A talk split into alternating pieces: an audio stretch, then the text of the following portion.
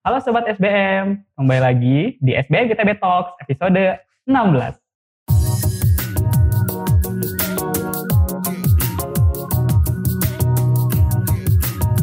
Bersama saya Hardi Santosa, dan kali ini kita kedatangan seorang tamu yang spesial. Beliau merupakan salah satu dosen kita di SBM ITB, namun juga beliau sempat menjadi Direktur Operasional dan Pemeliharaan MRT Jakarta, dan juga beliau sempat menjadi Direktur Utama Transjakarta salah satu mode transportasi yang digandrungi oleh warga Jakarta. Oke, baik kalau begitu, mari kita sapa Pak Agung Wicaksono. Halo Pak Agung. Halo, selamat pagi Hardi, selamat pagi Sobat SBM sekalian. Nah, salam Transjakarta, MRT oh. Jakarta pasti bisa. Ya. Kita seperti yang kita tahu Pak Agung orangnya sangat humble sekali dan juga penuh dengan semangat nih memimpin dua organisasi transportasi massal yang sangat luar biasa di Jakarta sendiri. Oke, Pak, kita akan mengeksplorasi nih Pak mengenai tentang uh. Eh, MRT dan juga Transjakarta. Boleh diceritakan Pak bagaimana kisah perjalanan Bapak nih Pak hingga akhirnya dipercaya menjadi bagian penting dari MRT Jakarta dan juga Transjakarta.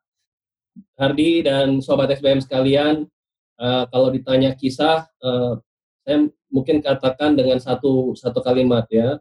Kalau ada tugas yang datang dari negara, itu kita tidak bisa memilih dan hanya ada satu kata kita harus jalankan dan katakan siap ya. Anak sekarang bilang kalian suka bilang ah siap gitu ya, ya. siap.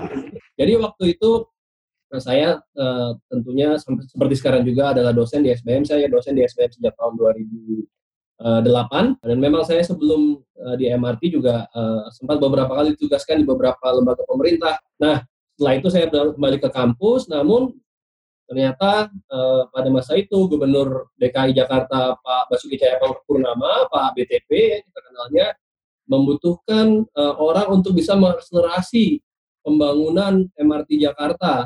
Dan eh, kemudian saya dikontak untuk mengikuti proses seleksi. Dan ternyata pada bulan Oktober 2016 Eh, saya kemudian ditugaskan menjadi Direktur Operasi dan Pemeliharaan MRT Jakarta dan waktu itu saya harus meninggalkan uh, tugas saya di SBM ITB. Ya. Hmm. Jadi uh, perjalanannya seperti itu dan mungkin yang agak menarik adalah di perjalanan tersebut saya saya ini sebenarnya cita-citanya ingin jadi profesor, pengen jadi guru besar lah ya. Tapi karena tugas itu ya saya harus uh, kemudian datang ke SBM, datang ke Bandung mengatakan Uh, karena waktu itu ada syarat di hmm. peraturan gubernur bahwa kalau menjadi direktur di BUMD, di peraturan dikatakan kalau menjadi direktur maka kalau berstatus PNS harus mengundurkan diri. Ya waktu itu saya lepaskan status PNS di ITB uh, demi satu tugas yaitu membangun MRT pertama di Indonesia. Wow, sobat SBM, kita tadi dengar sekali pemaparan yang luar biasa. Bagaimana motivasi beliau untuk membangun MRT dan juga Transjakarta ini sangat menarik sekali. Untuk itu kita ingin tahu nih Pak, um, kita tahu juga bahwa Bapak adalah lulusan doktor dari luar negeri. Nah, dari lulusan akademisi yang bergelar doktor, yang orang mengatakan penuh dengan teori, Pak, kemudian pindah ke korporasi yang penuh dengan praktik, bagaimana Bapak kemudian bisa mengharmonisasikan kedua bidang ini, Pak? Teori dan praktik kita digabungkan menjadi satu uh, kekuatan yang luar biasa untuk membangun MRT dan Transjakarta. Tadi sekarang lagi ngambil MSM kan? Betul sekali Pak. Kan? Ya. Tentu cita-citanya sekolah lagi ambil MSM untuk apa? Untuk bermanfaat bagi orang banyak kan? Betul ya, sekali kan? Pak. Ya. Kita belajar ilmu teori uh, bukan untuk kita sendiri tapi untuk membagi manfaat. Hmm. Bagi saya sama prinsipnya mau itu ambil master seperti uh, teman-teman sekarang atau ambil ambil bachelor, ambil doktor, pada prinsipnya harus sesuatu yang bermanfaat bagi orang banyak. Dari ilmu itu kita bagikan dan kemudian uh, kita mengajak orang lain untuk bersama-sama memberikan kontribusi bagi uh, pembangunan Indonesia. Uh, Pak Agung boleh diceritakan sedikit Pak, apakah motivasi yang Bapak ingin membangun uh, SBM ITB menjadi dosen, kemudian ingin membangun Indonesia melalui jalur masuk di MRT dan juga Transjakarta ini, ada sangkut pautnya Pak atau ada benang merahnya Pak dengan Bapak sempat menjadi Sekjen Forum Komunikasi Ketua Himpunan Jurusan Pak tahun 97 nih Pak di ITB. Nah ini teman-teman mungkin belum pada tahu nih bahwa Pak Agung ini catatan saya yang saya dapat dari Mbah Google ini sangat luar biasa sekali. Beliau ikut dalam memperjuangkan reformasi di negara ini. Boleh diceritakan Pak benang merahnya jadi mahasiswa aktif saat itu nih Pak? ya, ya, jadi ini ini nostalgia zaman old ya. Pada waktu itu ya betul tahun 97 98 saya menjadi waktu itu di ITB saya mahasiswa ITB juga, saya jurusan Teknik Industri dan saya jadi ketua himpunan mahasiswa. Ya, eh, ketua himpunan mahasiswa Teknik Industri atau MTI dan pada waktu itu sebagai anak muda waktu itu dan anak muda ITB lagi gitu ya. Sekolah di ITB susah masuknya juga dengan biaya dari negara, maka kalau tidak kita tidak menyuarakan tidak bilang bahwa dari something wrong with this country, maka hmm. kita tidak bertanggung jawab, kita berdosa pada pada hakikat kita. Ya. Nah, itu kalau dikaitkan dengan sekarang harus diakui itu memang momen yang sangat uh, penting buat hidup saya. Karena uh, sejak saat itu uh, saya merasa bahwa uh, setiap langkah saya memang harus jadi sesuatu yang bermanfaat buat negara ini ya. Ada ada satu pepatah yang mengatakan at 20 if you are not an idealist hmm. you don't have a heart. Tapi ada juga yang bilang but at 40 if you are still an idealist you don't have a brain tapi saya juga katakan well the brain will always develop and evolve over time but it is the heart that keeps you alive hati kita itu yang membuat kita hidup Pak Agung, kita tahu bahwa MRT ini sangat digandrungi ketika awal-awal peluncuran. Orang-orang berbondong-bondong. Saya ingat Transjakarta juga berevolusi. Sekarang kita nyaman sekali di haltenya, di bisnya sekarang udah diperbarui semua nih, Pak Agung. Nah, perjalanan Pak Agung sendiri nih, Pak, membangun transportasi massal yang bertaraf atau sekelas mancanegara Pak untuk MRT dan Transjakarta itu bagaimana Pak menciptakan itu tuh Pak? Oke, menarik ya. Ini satu-satu MRT dulu ya. MRT yes. dulu. Ini saya lagi bawa kartu ada kelihatan nggak ya? Ini nah, nah ini kartu Pak. Ya, kartu yang ada jalur MRT ini uang elektronik yang kita bisa pakai untuk naik angkutan umum atau untuk transaksi sehari-hari ya. Ini adalah perlambang sebuah kemajuan ya penambang sebuah modernitas. Dulu itu kalau kita naik angkutan, saya ingat waktu masih di Bandung, kalau hmm. naik angkot ke ke Ganesa gitu ya, itu ya pakai koin uh, atau uang ngelusuh gitu ya.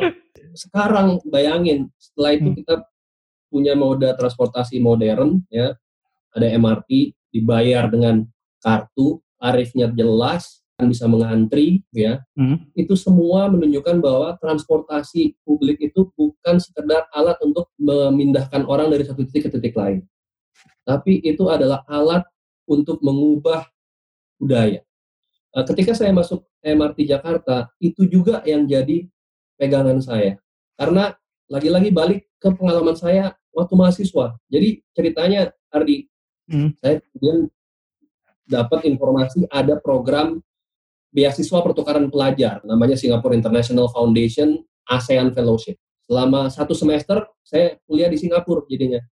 Tapi di sana saya melihat pertama kali yang namanya MRT. Dan saya melihat inilah bedanya negara seperti Singapura dengan uh, negara saya Indonesia waktu itu.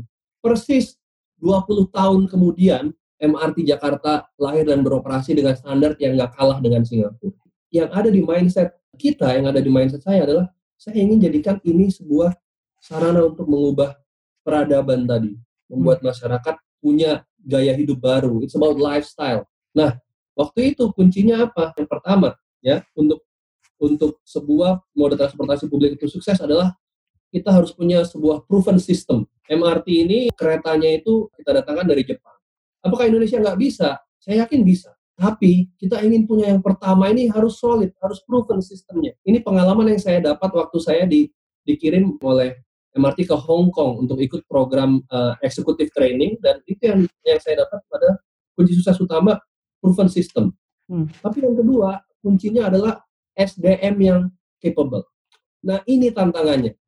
Dan buat saya sebagai waktu itu direktur operasi dan pemeliharaan tadi ya disebut ya, kuncinya adalah tadi membangun SDM, membangun orang yang mampu mengoperasikan ini dengan standar internasional.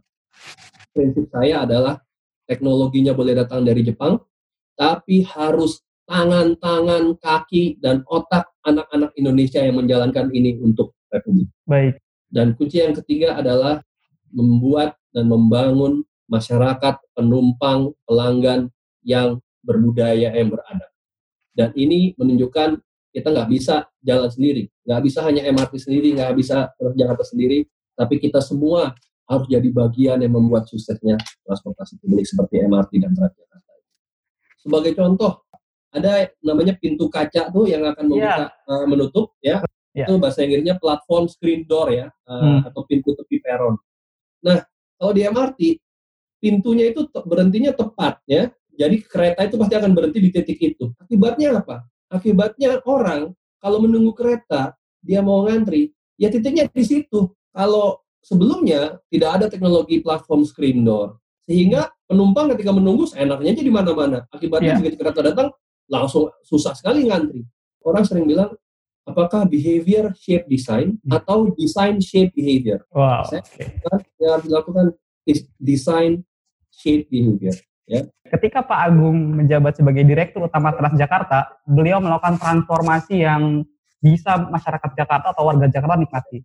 Salah satunya adalah integrasi yang namanya dengan Jack Linko nih. Nah, Pak Agung bisa diceritakan nih Pak, Jack Linko ini apa dan kenapa integrasi bisa sampai uh, melibatkan Metro Mini, kemudian ada angkot, kemudian bisa ke stasiun-stasiun nih Pak. Yang saya rasakan juga nih manfaatnya nih Pak. Bisa diceritakan Pak, intrik-intrik atau strateginya bagaimana nih Pak? Jadi tugas utama saya kenapa dipindahkan dari Direktur Operasi MRT ke Direktur Lalu Jakarta adalah memang integrasi. Dan integrasi ini macam-macam. Integrasi pertama itu fisik. Ini bisa dilihat nih, saya lagi berdiri di halte nih, ya. Ya, ini halte haltenya Transjakarta yang ikonik ya. Uh, yang pertama yaitu halte Bundaran HI. Oh, ya, okay. halte ini dulu ya uh, nggak kayak gini.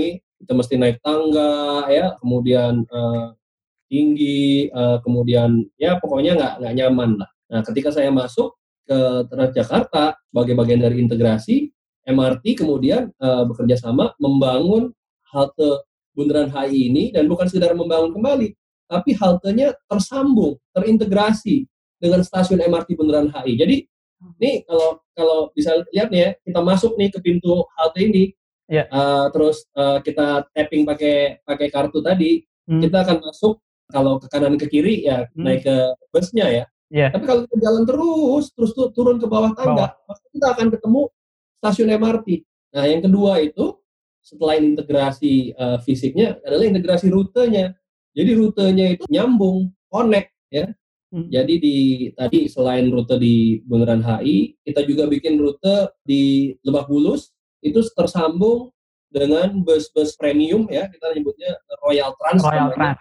Ya, Royal Trans itu bisa ke BSD, bisa ke Bintaro, ke Cinere ya. Nah, yang ketiga itu tadi adalah integrasi pembayaran ya. Hmm. Integrasi pembayaran ini gimana? Gimana caranya dengan satu mekanisme pembayaran itu bisa terhambung sehingga suatu saat targetnya tarifnya itu juga bisa nyambung ya. Hmm. Nah, itulah esensi Jaklingko. Transjakarta juga bahkan terkoneksi dengan uh, kalau di Bandung angkot, tapi kalau di Jakarta kita udah ubah namanya angkutan-angkutan yang terintegrasi dengan Transjakarta itu namanya jadi mikrotrans. Ya uh, kendaraannya juga harus memenuhi syarat, harus baru, harus lima tahun maksimal begitu ya. Hmm. Dan kemudian tersambung semuanya ya. Kalau sopir uh, mikrotrans kan sebelumnya kan harus gimana gitu nih Pak, uh, ngambil penumpang segala macam. Sekarang merasa lebih aman dan nyaman gitu loh Pak. Jadi ada tiga no yang jadi prinsip dalam Jaklingko. Yang pertama adalah no ngetem. Kenapa bisa no ngetem? Karena yang kedua no kejar setoran. Nah, itu. Karena apa? Karena angkot-angkot yang sudah menjadi mikrotrans di Jaklingko tadi dan juga bus-bus uh, lainnya ya bus itu semua dibayar oleh Transjakarta berdasarkan kilometer. Jadi pembayarannya rupiah per kilometer. Ya, jadi no no ngetem, no kejar restoran, tapi yang ketiga juga no ugal-ugalan. Ah. Ya. Nah, kenapa no ugal-ugalan? Karena mereka akan dibayar hanya kalau memenuhi yang namanya SPM, standar pelayanan minimum. Kalau mereka penuhi semuanya tadi standar pelayanan minimumnya, no ngetem, no kejaktoran dan ugal-ugalan, mereka dapat penghasilan yang sudah pasti. Pak, kita sekarang melanjutkan nih Pak, isu-isu terkini nih Pak, terkait dengan masih di bidang transportasi ini Pak, Satu yeah. ini kita akan kaitkan dengan yang lagi happening sekarang nih Pak, yaitu tentang situasi di COVID-19 ini Pak. Sebetulnya dalam kondisi seperti ini, menurut sebuah penelitian mengatakan bahwa jika kita berada di dalam lingkungan yang tertutup, dalam kurun waktu yang cukup lama, maka itu akan terjadi tingkat penyebaran dalam airborne nih Pak, penyebaran lewat udara. Nah menurut Bapak nih apa yang baiknya kita lakukan? Pertama sebagai warga masyarakat ketika ingin menggunakan transportasi massal, yang kedua uh, Transjakarta atau MRT selaku fasilitator transportasi itu Pak, apa yang mesti dilakukan untuk meminimalisir penyebaran uh, virus corona di transportasi ini Pak? Ini sangat challenging.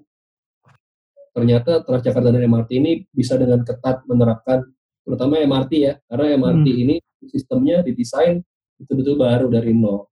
Bisa menerapkan dengan ketat yang namanya uh, protokol, mereka menyebutnya protokol bangkit bersama, gitu ya uh, yang intinya adalah uh, harus bermasker ya yang kedua adalah sebisa mungkin uh, social distancing uh, sorry physical distancing saya lebih suka menggunakan hmm. physical jangan social distancing hmm. ya uh, uh, dan yang uh, ketiga uh, disediakan uh, fasilitas untuk memastikan kebersihan jadi hand sanitizer ada di mana-mana hmm. ya yeah. uh, dan petugas juga uh, bekerja ekstra keras gitu untuk memastikan di setiap armada itu jumlahnya uh, terbatas.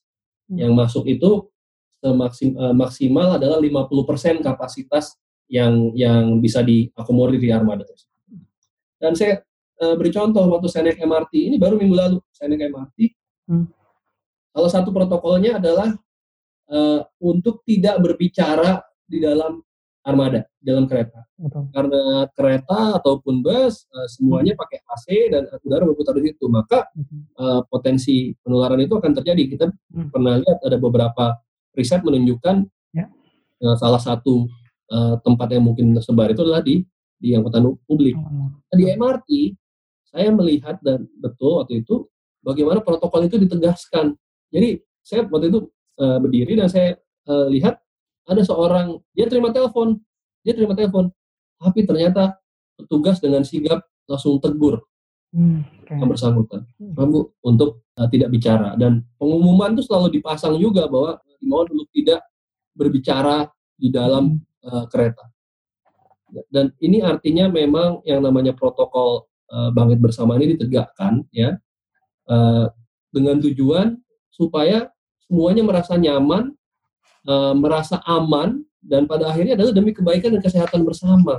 Kalau dulu orang bilang, ya nih new normal, new normal. Uh, enggak, saya bilang saya nggak mau new no, saya maunya parno. Gitu ya. Kalau new no, new no, new normal, new no, itu orang ingetnya cuma normalnya doang. Ya. Ah, Oke. Okay. Yeah.